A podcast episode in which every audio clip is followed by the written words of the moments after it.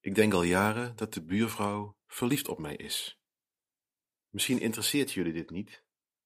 Of misschien interesseert het jullie wel, maar denken jullie, ach, er is weer zo'n man van middelbare leeftijd met een hele hoge eigendunk. Een onterecht hoge eigendunk, waardoor hij denkt dat iedereen zomaar verliefd op hem is. Waarschijnlijk hebben jullie gelijk. Ik denk het ook eigenlijk niet echt, maar het is wel een aardig voorbeeld. Een voorbeeld voor het onderwerp van vandaag. Nulhypothese toetsen. Hoe zou ik erachter kunnen komen of de buurvrouw verliefd op mij is? Aanhangers van het raamwerk van nulhypothese toetsen zeggen dan het volgende. Ga ervan uit dat ze niet verliefd op je is en ga vervolgens bewijs verzamelen om die aanname te verwerpen. Voor wie dit niet meteen volgt, dat snap ik wel. Is een hele rare manier om uit te vinden wat je denkt. Ik denk namelijk dat de buurvrouw wel verliefd op mij is. Maar door bewijs te vinden voor het tegenovergestelde, namelijk dat ze niet verliefd op mij is, concludeer ik dat ze inderdaad verliefd op mij is. Wie nu de weg al kwijt is, vrees niet. Vandaag ga ik jullie alle ins en outs vertellen van een van de meest vreemde, meest controversiële, maar ook meest gebruikte procedures in de statistiek, de nulhypothese-toets. Welkom bij Audiostatistiek, de podcast over statistiek zonder plaatjes.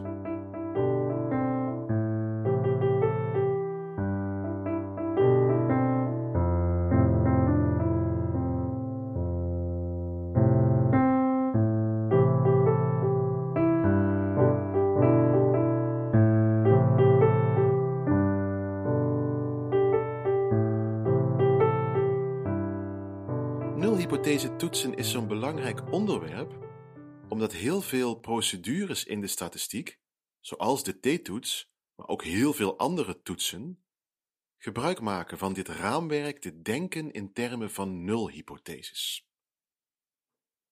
Naast de nulhypothese hebben we ook altijd een alternatieve hypothese.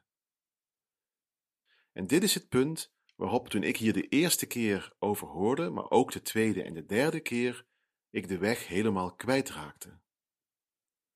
De alternatieve hypothese is namelijk bijna altijd hetgeen we verwachten. En de nulhypothese is bijna altijd de hypothese van niks, van nul. Als we twee groepen met elkaar vergelijken, is de nulhypothese dat er geen verschil is tussen de twee groepen. De hypothese van nul tussen aanhalingstekens. Het wordt in het Engels ook null hypothesis testing genoemd. En in deze context is dat makkelijk te onthouden omdat het de hypothese is van geen verschil. Terug naar het voorbeeld van de verliefde buurvrouw, de vermeend verliefde buurvrouw, ik zeg het er maar bij. De nulhypothese hier zou zijn dat zij dat niet is, dat zij niet verliefd op mij is. De alternatieve hypothese is dat zij wel verliefd op mij is. En het gekke is dat hetgeen ik verwacht, dat we dat de alternatieve hypothese noemen. Terwijl voor mijn intuïtie is het helemaal geen alternatieve hypothese, het is de hypothese die ik verwacht. Het is het alternatief ten opzichte van de nulhypothese. En daarom heet die zo. Ik geef een ander voorbeeld.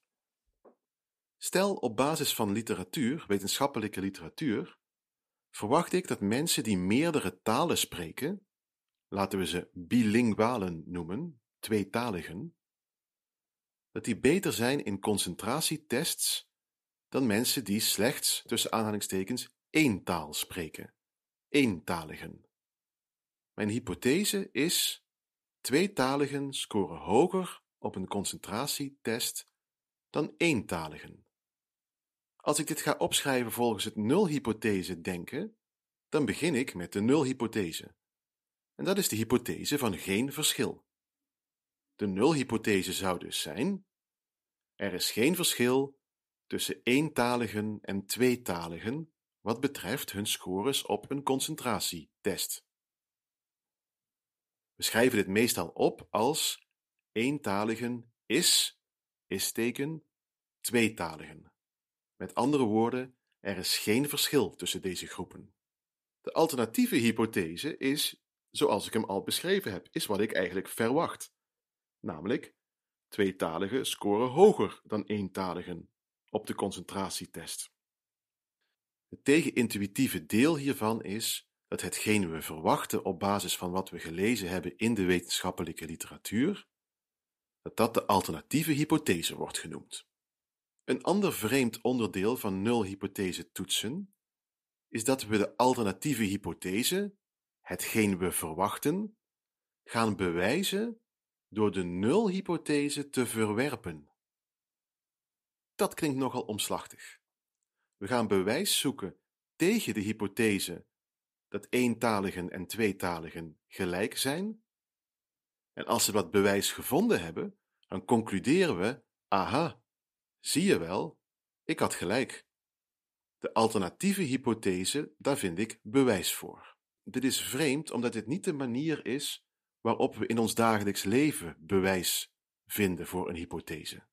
Als ik wil weten of de buurvrouw verliefd op mij is, dan ga ik niet aannemen dat het niet zo is en bewijs zoeken om die aanname te verwerpen. Misschien zou ik het haar gewoon kunnen vragen.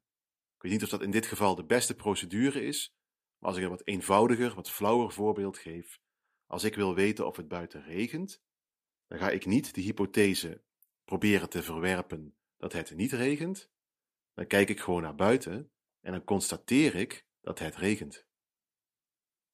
Die extra tussenstap voelt voor ons mensen vreemd. Die extra tussenstap is er gekomen na een lange en ook turbulente geschiedenis in de statistiek, waarin mensen zich afvroegen hoe moeten we steeds meer bewijs vergaren. Degenen onder jullie die er eens van gehoord hebben, zullen in de geest van de nulhypothese toets ook de hand van het falsificationisme van Karl Popper herkennen. Het vreemde en voor ons ook wel vervelende is dat de procedure zoals die nu is, een samenraapsel is van verschillende ideeën en stromingen. Maar goed, we hebben het ermee te doen. Hoe weten we of we de nulhypothese kunnen verwerpen? Daarvoor hebben we een statistische toets. En meer specifiek, daarvoor gebruiken we de p-waarde. Als de p-waarde kleiner is dan een bepaald getal, jullie herkennen allemaal de slogan p is kleiner dan 0.05, dan verwerpen we de nulhypothese. Dan zeggen we, ik heb genoeg bewijs gevonden om de nulhypothese, de hypothese van geen verschil, te verwerpen, en omdat ik dat kan doen, concludeer ik dat de alternatieve hypothese, wat ik altijd al dacht, dat die wel waar moet zijn. Danielle Navarro, die overigens een heel goed boek over statistiek heeft geschreven, die vergelijkt nulhypothese toetsen met een rechtbank. Je hebt de beklaagde, de verdachte, zeg maar. Dat is de nulhypothese. De nulhypothese die zegt er is geen verschil. jij als onderzoeker gelooft dat niet. Jij gaat die nulhypothese ondervragen, aan de tand voelen. De statistische toets, die is de rechter. Die zegt uiteindelijk, door middel van de p-waarde, nulhypothese, wij verwerpen jou, of wij verwerpen jou niet. Wellicht helpt deze beeldspraak om, dit toch wel, om deze toch wel typische procedure beter te onthouden. De p-waarde. We hadden het al over. De p-waarde helpt ons beslissen of we de nulhypothese moeten verwerpen of niet. Of, wat we altijd al dachten, namelijk de alternatieve hypothese, of, we dat, of dat waar is of niet, of we daarin geloven of niet. Wat is de p-waarde nou eigenlijk? Voordat ik uit ga leggen wat de p-waarde is, moeten we eerst nog één stap terug doen en onszelf afvragen: waarom doen we eigenlijk een nulhypothese toets? Waarom doen we überhaupt een statistische toets? Dit is een hele diepe vraag. Als we teruggaan naar de t-toets, waar we het al over gehad hebben, toen hebben we gezien dat de t-toets ons helpt om iets te weten te komen over de populatie.